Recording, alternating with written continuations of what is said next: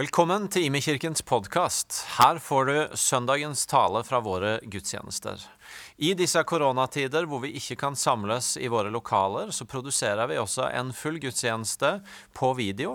Den finner du på våre nettsider. Sjekk gjerne ut både imekirken.no og Imekirkens Facebook-sider for både gudstjeneste og mer innhold fra oss.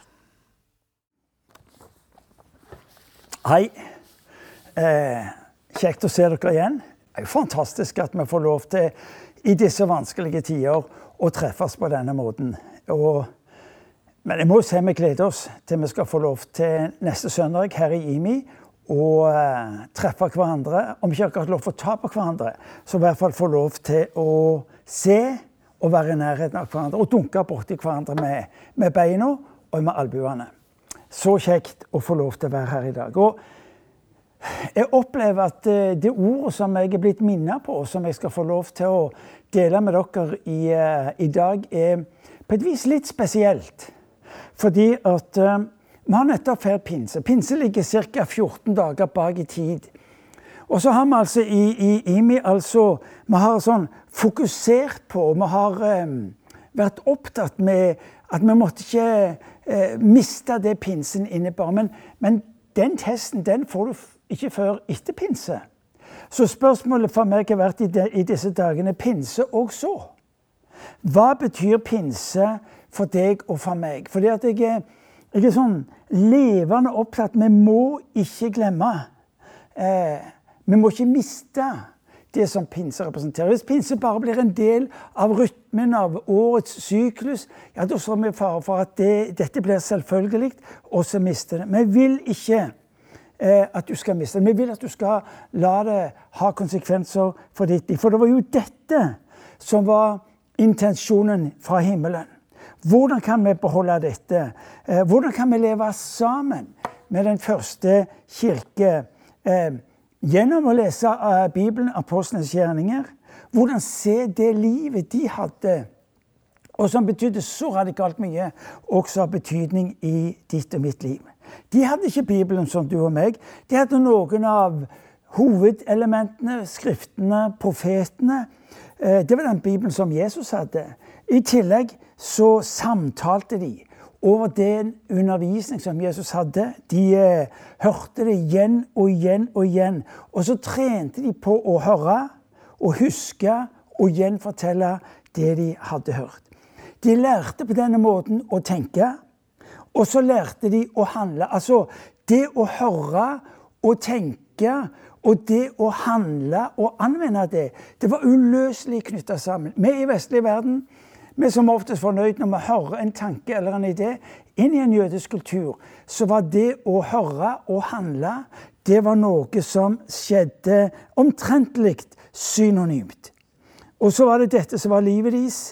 De hadde hørt hva Jesus sa i Johannes evangeliet, kapittel 15, vers 7. Dersom dere blir i meg, og mine ord blir i dere, be da om hva dere vil, og dere skal få det. Jesus sa noe han mente, og det var derfor han også sa det. Bli i mitt ord, sa han. Bli i mitt ord. Ja, det Jesus sier da han sier 'bli i mitt ord', det er 'bli i meg'. Bli i meg. Og så vil du i Apostlenes gjerninger, eh, i denne boka skrevet om de første kristne, så vil du se at dette er uløselig knytta sammen i livet deres. Hør nå. Hvis ikke Bibelen blir din brønn for livet, så vil alt annet bli din brønn for livet. Og da sitter du igjen med en menneskelig utgave av kristendommen. Det er derfor det er så viktig at du og meg blir værende i Guds ord, i Bibelen, Guds ord. Så hva lærer vi av de første kristne? Menneskene i urkirka, med sin begrensa kunnskap. Eh, hva var deres reaksjon på pinse? To ting. Det ene var de tok imot Om de forsto det? Nei, de skjønte overhodet ikke hva som skjedde. Men de trodde det de så, og handla på det og tok imot. De tok imot det, og så ble de fulgt av Den hellige ånd. Igjen og igjen og igjen og igjen. Det andre som er kjennetegnet på dem, de ga seg til. Ja, hva vil det si? De, de ga det fokus, de omfavna det som var konsekvensene av pinse, og så forandra det livet deres. De de ga det prioritet. Jesus ble sentrum i fellesskapet deres. Jesus ble sentrum i bønnene deres. Jesus ble sentrum i ordet de delte, og Jesus var sentrum i nattverden. De ga seg til. Ja, når de her bruker uttrykket 'ga seg til', så er det nesten sånn eh, intenst, ensidig, på ett fokus de ga seg til. Og hør nå, Hvis dette var viktig for de første kristne, så skulle det sannelig hatt ikke være mindre viktig for oss. Pinse. Hør en gang til. Jeg sa dette for en tid tilbake. Det er nå det starter. Kirkens ulike høytider eh, står i ei linje, og de peker fram imot det som skjer i pinse. Og når pinse skjer, så er det Peter bryter ut i begeistring og sier dette, sier han. Dette er det som Bibelen gjennom generasjoner har pekt imot. At i de siste tider så skal jeg utøse min ånd over alt folk. Eh, vi har forsøkt å gjøre pinse til kirkens fødselsdag. På vis så forstår jo tanken, men på vis er det også helt meningsløst. For da handler det jo om oss. Og så blir kirka i beste fall et nyttig redskap for et folk fullt av Guds ånd som skal forvandle denne verden. Dersom vårt fokus pinse er kirka, så mister vi poenget. Pinse er nemlig Den hellige ånd. Den hellige ånd er allemannseie. Det som enkeltmennesker har mottatt, synliggjort gjennom den kristne familie, det betyr at du og vi skal få eh, bety denne forskjellen. Urkirken, eh, de første kristne, de hadde jo ikke noe kirke. De hadde ikke noen teologiske institusjoner. De hadde det vitnesbyrdet, en felles historie. Dette at de kom sammen med bønnene og eh, nattværen. Og så ble det skapt et liv som forvandla den verden. Jo, da de hadde menighetsskoler, som oftest i hjemmene. Eller som vi leser om Paulus når han var i en by, at de lette et sted for undervisning. Hvis vi skal koke ned For å kunne lære av de første kristne, hva var kjennetegnet? Hva var pinsens konsekvenser? Jo, det ene er fellesskapet. De, de opplevde plutselig å få en helt ny struktur for livet sitt. Det var kjærlighet, det var kraft, og så var det misjon. Målet for Peter, Johannes og resten av gutta i Jerusalem, det var å se en Guds rike standard slå ned, prege og bli båret videre ut til mennesker i denne verden. Tre år var disiplene sammen med Jesus. Hvorfor? Fordi de skulle motta, bli jeg kunne nesten på å si, marinert i en gudsrike tenkning og et gudsrike liv. Og så skulle dette videreføres. Av, av videreføre Jesu liv i kraft av Den hellige ånd. De var ikke utdanna. Dette var ikke folk som var utdanna fra rabbinerskolen i Jerusalem. Dette var ikke mennesker som kunne skilte med høy utdannelse. Guds ånd møter mennesker der de er, uansett, uansett historie. Og så er han opptatt med én ting å få lov til å fylle mennesker med sitt liv. Og der han fyller mennesker med sitt liv, der skjer det en forandring. Ja, Hos disiplene var det jo en eksplosjon. For i løpet av noen få generasjoner så forandrer de sin, eh, den verden som den gang var kjent.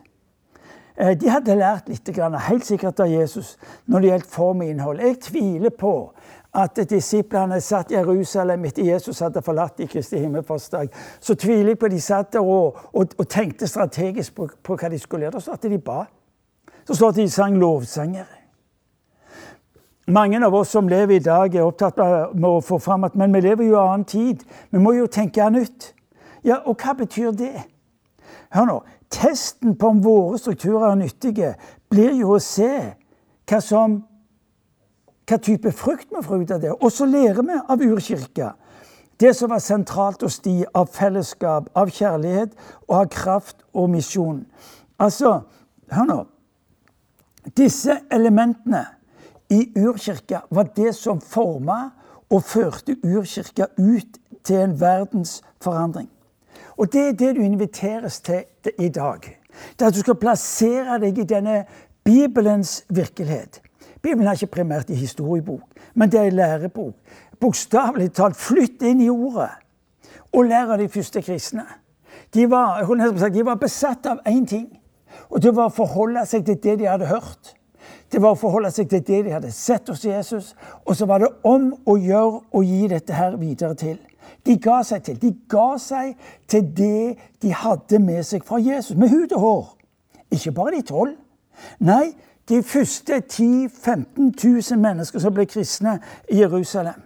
Og kjennetegnet Hør nå. De holdt sammen. Dette er litt viktig å få tak i. For hvis du ikke gir deg til menigheten, så vil du miste det livet Gud har for deg. Du leser ikke noe sted i Nytestamentet at Gud er opptatt med å favorisere enkeltmennesker. Forholder seg til enkeltmennesker. Hele tiden peker Gud på menigheten, på fellesskapet, på kollektivet. På et vis er privat tro ukjent. Og kanskje dette litt sånn type eh, tankevekkende. Er det altfor mange besøkende i våre kirker, mens få beboere? For hvis du tar bolig i ordet, så, så er det en selvsagt ting at du også tar bolig i menigheten. Eh, vi, skal, vi, skal, bla litt i apostlenes gjerninger. Eh, vi kaller det for apostlenes gjerninger. Egentlig er det litt misvisende, det òg. For det er jo Den hellige ånds gjerninger.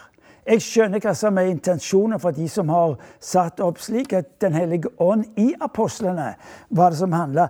Men igjen står vi i fare for å gjøre dette til noe som handler om mennesker og ikke til noe som egentlig handler om Gud. Det første vi la merke til, sa jeg, det var at eh, de fikk en ny struktur. De fikk en ny type fellesskap. En ny type fellesskap som ikke bar preg av rette meninger, rette bakgrunn, men det var de som hadde valgt å ta imot den gaven som Den hellige ånd representerte. Altså, de fikk det vi kaller gjerne for huskirke. De, de, ble det vi kalte for eh, ja, Vi kaller det for huskirke, for de møttes i husene rundt forbi Jerusalem. Ja, de møttes hver kveld. Hver dag, hver kveld, så møttes de eh, i hjemmene sine. Hvorfor? Jo, fordi de hadde et overordna kall, og det var å gjøre mennesker til disipler. Ja, Da skjønte de da er vi nødt til å ha et sted som er stort nok og lite nok til at vi lykkes med å se mennesker bli oppdratt eh, disippelgjort som etterfølgere av Kristus. Du og meg trenger å tilhøre et fellesskap, en familie, for å bli det Gud har frelst oss til å bli. Så ord som disippelgjøring eller oppdragelse det er helt, helt, avgjørende. Og dette er litt sånn type tankevekkende, for strukturen vi velger, den vil enten hjelpe oss til, eller så vil den på et vis hemme oss i å bli det som var intensjonen. Så styrker den, eller så svekker den. Strukturelle ordninger som kveler. Vet du hva? Det tar livet i mange kirker. det. Hvor mål om ulike Og så blir det til at det ble ikke det som egentlig eh, var greia. Det er et testspørsmål her. Skjer det en disippelgjøring? Skjer det en, en kristen oppdragelse eh, med de som går på disse ulike gudshusene? Å møte fram i et gudshus en gang i uka, forme og lite og representerer ingen varig gudsrike forandring. Det er nesten som om mine barn, da de var små eller unge, og så skulle de komme hjem til vårt hus på Sunde en gang i uka. Å jo! Vi skulle sørge for at de fikk mye omsorg, god mat og interessante foreldre, foreldre som var interessert i det som gjaldt livet deres. Men det ville bli null oppdragelse av det. Ja, På samme måte er det hvis vårt forhold til det Ånden holder på med, det livet han ønsker å berøre oss med, begrenser seg til å møte fram et sted en gang i uka. Det andre kjennetegnet, det er kjærlighet. Du tenk, de var kjent. De var kjent for sin kjærlighet til hverandre og til byen. Det, det er sterkt når du leser at de, de hadde yndest, står det i den gamle oversettelsen. Altså det, Folk i Jerusalem var begeistra for dem. Altså, De hadde historien om hva som skjedde med Jesus.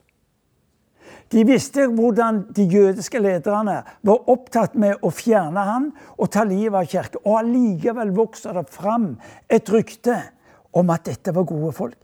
Det var en kjærlighetens atmosfære i Jerusalem som var helt unik, og som førte til at daglig står der, ble nye mennesker lagt til troen på Jesus. Det står at de holdt sammen og hadde alt felles. Du får et strålende vitnesbyrd. Hva er kjennetegn? Hva er kjennetegn på at mennesker trives? Det er at de henger sammen. Kirka er ikke et meningsfellesskap. Kirka er et sted hvor brødre og søstre kommer sammen fordi de hører sammen. Men det er også et sted hvor vi velger å dele livet med hverandre på en måte som har betydning. Der står det i Apostelens gjerninger, kapittel 2, vers 44. De holdt sammen og hadde alt felles. For et vitnesbyrd om kjærligheten. Og så er det jo denne kjærligheten som de erfarte seg imellom, som de så tar ut, og så forandrer de sitt samfunn. Det som de husker Jesus sa til dem. Du skal elske, du skal elske deg sjøl, din neste. Eh, du skal elske menigheten. For når du og meg lærer å elske menigheten, de folka jeg får lov til å henge sammen med, vet du hva? Da er det noe som skjer ut forbi hjemmet. Dere starta i Jerusalem, sa Jesus. Så var det Judea, Samaria, like til verdens ende. De var, de var nødt til å lære å elske på hjemmebane før de kunne ta dette med seg ut på bortebanen. Byen ble berørt. Og I løpet av noen få generasjoner ble det romerske riket fullstendig gjennomsyra av denne lille flokken fra Jerusalem. Det tredje, det som de var kjent for, det var det overnaturlige. Helbredelser. Ja, rett og slett. Du leser det tidlig i kapittel 3 i Apostlenes gjerninger. Du leser om eh, Peter og Johannes som er på vei opp i tempelet for å be. Og på veien så møter de da en som er syk. Og eh, han ser på dem. Han ser at de er vanlige mennesker, står der. Og så skjer jo dette fascinerende. Han ber om penger, og, og Peter sier, 'Vet du hva? Penger har jeg ikke, men det jeg har, det skal du få.' I Jesu Kristi Nazarens navn, reis deg opp. Så tar han han i hånda, og så drar han han opp. Ja, Det er klart det ble plutselig leven i hele byen. For dette hadde de ikke opplevd før på den måten. Før var det knytta til en Jesus. Nå er det knytta til de som er etterfølgere av ham. Og så trekker de forbindelse mellom denne Jesus og disse etterfølgerne. Og litt lenger ute i kapittel 4 så står det at eh, apostlene de ba for de syke. Og på slutten i det verset så står det at alle som de ba for, blei friske. Og så leser du om Philip i Samaria kapittel 8 vers 6. En av de som var trent opp, en av de som var disippelgjort av, av eh, disiplene. Så leser du om han. Han kom til et område i Samaria, altså et sted i eh, Palestina. Og så står det at han òg begynte å be for de syke. Og han drev ut onde ånder, og han helbreda de syke. Altså Det starta med eh, disiplene som var sammen med Jesus, og så gis dette her videre. Litt lenger ute så leser du om eh, denne mannen som ledet synagogen. Han hadde fire døtre, som alle var profeter. Altså, det livet som eh, vi leser om i urkirka, var et liv som levde dynamisk, og som hadde konsekvenser for sin samtid. Du inviteres til å gå sammen med den første kristne kirke. Hvorfor? For å lære å tenke bibelsk. Av det som sier ja, vi må gjøre Guds rike, vi må gjøre kirka eh, relevant i vår tid. Men det er jo helt, helt aldeles feil. Eh, skal vi gjøre allmaktens Gud relevant, eller skal vi heller la han slippe til med det som er kjennetegnet? Et annerledes fellesskap. En kjærlighet som forvandler. En overnaturlig nedslag av det rike. Hør nå. Du, Vi skal slippe å gjøre vår Herre relevant. La han få lov til å demonstrere sjøl om hvem han er, og hva han vil gjøre. Det er uhyre interessant. Vi leser igjen og igjen hvordan Jesus i møte med utfordringer så står det han visste sjøl hva han ville gjøre.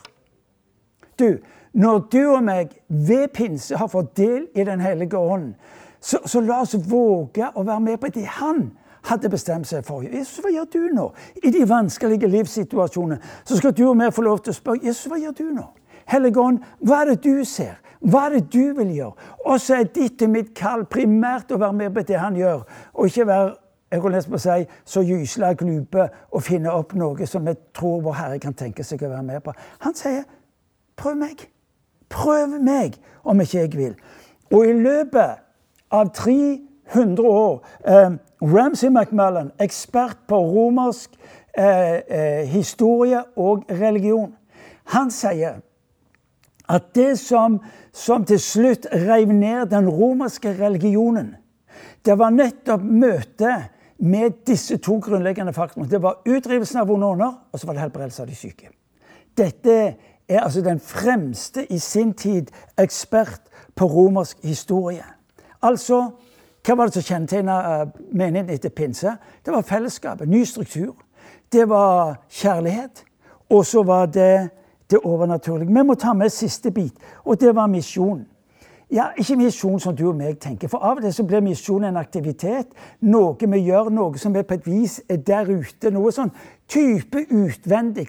Sånn en armlengdes avstand. Giro jeg sender, eller et eller annet jeg skriver likes på på, på Facebook. Nei, misjonalt liv som kjennetegner den første kirke, er egentlig å ville legge ned sitt liv for de vi ønsker å berøre. En gang til. Dette å være villig til å legge ned sitt liv for de vi ønsker å se berørt.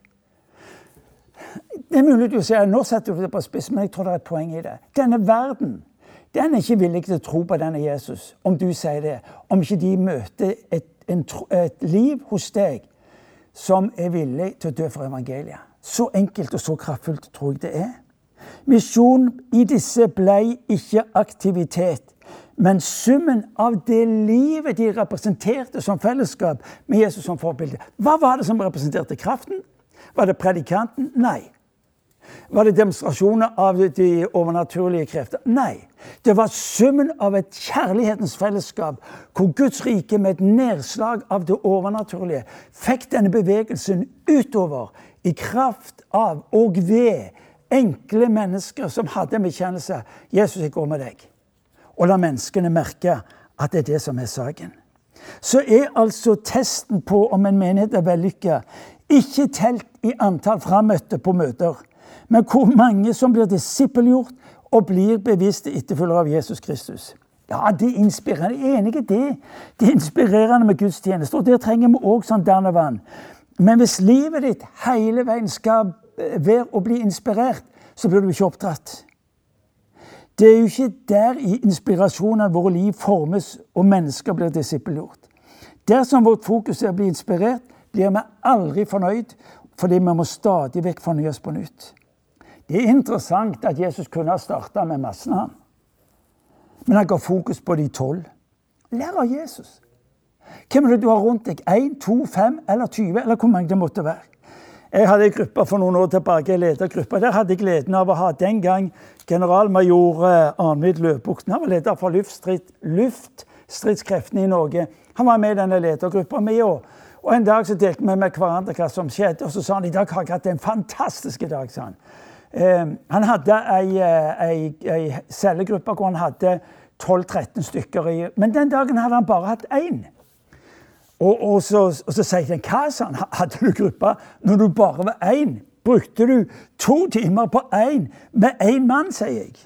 Ja, sa han. Det er fantastisk. Fantastisk. Det er jo å misbruke tid. Og langt ifra, sa han. Tenk på hva jeg fikk gi den personen gjennom den tida vi var sammen. Vet du hva, Det er jo helt fenomenalt. Og jeg tenkte ah, helt riktig. Du leser om det i Johannes evangeliet kapittel 4 òg, der Jesus møtte ei dame ved brønnen. Husker du den? Han brukte tid på ei dame. Han visste hvem hun var. Han visste hvor hun hørte hjemme, og alt det som hefta ved et menneske. Jesus brukte tid med henne, og du husker frukten av det. En hel landsby kom til tro fordi at han brukte tid med et menneske og ga henne tro. Hør nå, ikke la deg styre av førsteinntrykket eller innpakningen hos folk. Lær av Jesus og han Arnvid. Jeg lærte noe av Arnvid har senere forsøkt å ta det med meg. Lær av Bibelen. Vær i Bibelen, vær i Guds ord lenge nok til at du blir en del av ordet, og ordet blir en del av deg. Det er, det er på et vis Jesus sitt avskjedsbudskap til oss. Bli meg, sa han. Bli mitt ord. Og så blir jeg hos dere. Og hvis jeg spør dere hvor, eh, hvor, eh, hvor mange av dere ønsker at Jesus skal være sterkt til stede i livet, så aner jeg hendene går opp hos alle sammen. Og han sier ja, bli mitt ord. Og når du blir mitt ord, ja, så blir jeg i deg. Det er uhyre interessant. For når du og meg våger å la en bibelsk tenkning få konsekvenser for en bibelsk måte å leve og handle på, ja, så er det mye underlig som skjer. Se på, se på de første kristne.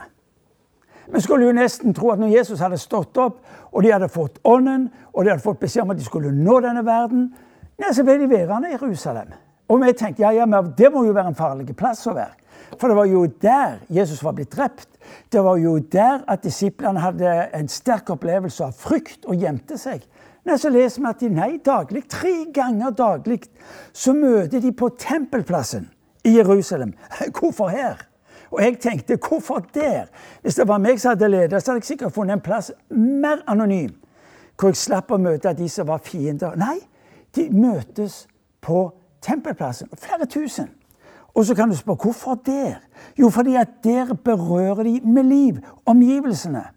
Det står at daglig ble nye lagt til menighet. Og jeg tror ikke Det hadde noe med møtene på tempelplassen å gjøre, hvor de møtte folk. Ja, ja, det var her Jesus tok oppgjøret. Det var her lederne dømte han. Men det var også her de møtte sine naboer, venner, kolleger. De trakk seg ikke unna. De valgte ikke en vei bort fra det som var utfordrende og vanskelig. Nei, de oppsøkte utfordringene. Jødiske ledere underviste de første, at de første kristne representerte anstøp, fornærmelsen av den kristne tro, av den jødiske tro. Og Allikevel var det der de var. Hvorfor? Jo, for det var der de hadde nærkontakt på en unik måte, også med sitt eget folk. Hør nå. Det er lett å drive kristent arbeidsmisjon på armlengdes avstand. Hvor du ikke har denne ubehagelige følelsen. Hvor det ikke krever noe mer av det, kanskje enn bare sende en giro eller skrive en likes på, på Facebook.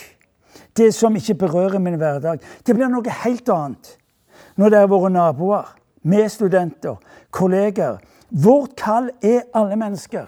Her i Norge ja, så innebærer det på den ene sida etniske nordmenn, og på den andre sida innvandrere, i hovedsak muslimer.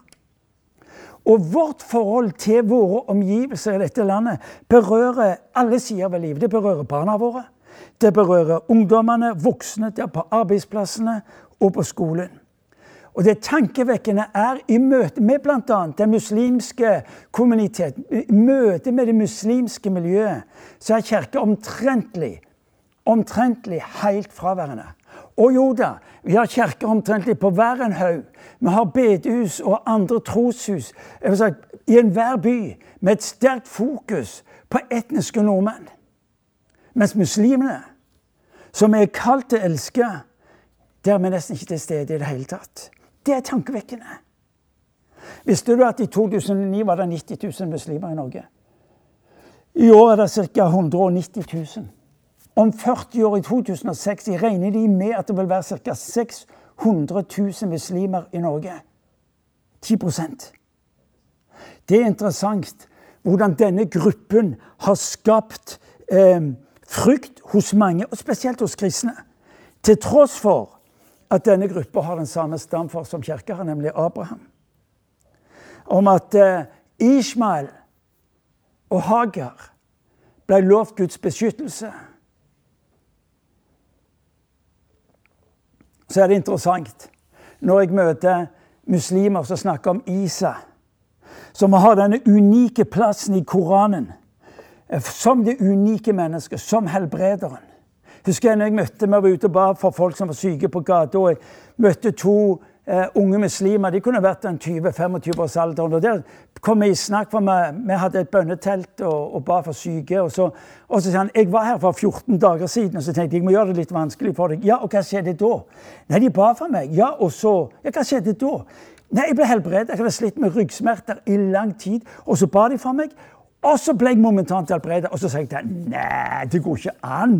Jo, det er sant. Nei, vet du hva? Det høres lite sannsynlig ut. Og jeg ble nesten sint på meg. Jo, sa han. Jeg har ikke hatt vondt siden den gangen. Hør nå. Vet, vet du hva vi har gjort i kirker og bedehus rundt forbi?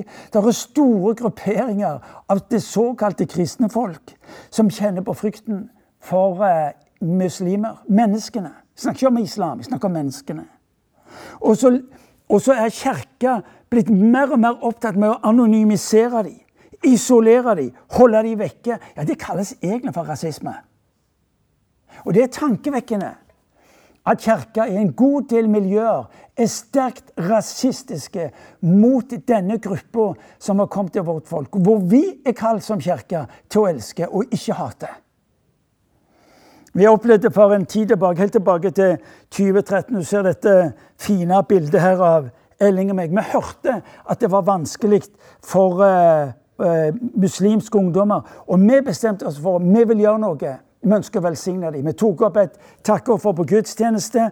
Og så besøkte vi dem i moskeen, og så sa vi til dem vi ønsker å velsigne deres barn og unge, og disse pengene skal utelukkende gå til å integrere barn og ungdom på en god måte. Og så blir eh, denne lederen spurt av en journalist som var til stede. Ja, hva betyr det for deg å få denne sjekken på nesten 30 000 kroner? Jeg kommer aldri til å glemme svaret hans. Vi hadde med oss marsipankake òg, for det er klart det må vi alltid ha når vi skal overrekke gaver. Han sa kaka var gode. Og pengene de skal bety mye, tror vi, for våre ungdommer. Men det som betyr mest for oss, det å møte mennesker som har et hjerte for våre liv, og at det skal gå oss godt. Hør, folkens, det er det vi er kalt å gjøre. Og det var dette de demonstrerte, eh, den første menigheten, når de stilte opp på tempelplassen. Fordi de ønska å bety denne forskjellen. Hvor kalde å elske dem. Vår kall er å elske den muslimske minoritet. Vår kall å være denne godhetsstasjonen for alle mennesker, og spesielt de som er fremmede, sier Bibelen. Vi kan velge frykten eller kjærligheten. Urkirka valgte kjærligheten, og så møtte de fram. Og så møtte de fram på tempelplassen. Tre ganger daglig. Ikke én gang i uka. Ikke én gang som Danne var, men tre ganger daglig. Vet du hva? De bar med seg denne, her, denne her relasjonen av å ville godt. De bar med seg denne atmosfæren av kjærlighet.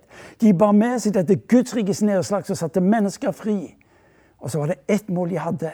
Det var at de skulle erfare at de var elska. Vi svikter Én ting at vi svikter det muslimske miljøet, de, eh, de, mange mennesker. Hør nå, Når du bruker begrepet muslim, husk på det mennesker du snakker om. Vi svikter de om vi trekker oss unna. Men vi svikter også vår egen generasjon, våre egne barn og barnebarn. Fordi at eh, hvis vi trekker oss unna, så vil det fremdeles være denne her muren mellom muslimer og Jesus' etterfølgere. Det er interessant at muslimer har stor respekt for Jesus, Isa, men de har liten forståelse for kirka. Og det er ikke rart, er det det? Tenk på korstogene, som egentlig var politiske systemer som kirka ble trukket inn i. Tenk på det, den, det hatet som, som, muslimer har møtt, den eh, avvisning de har møtt ifra oss som er kristne. Hvordan er det mulig? Men vi er kalt til å elske den første kirke.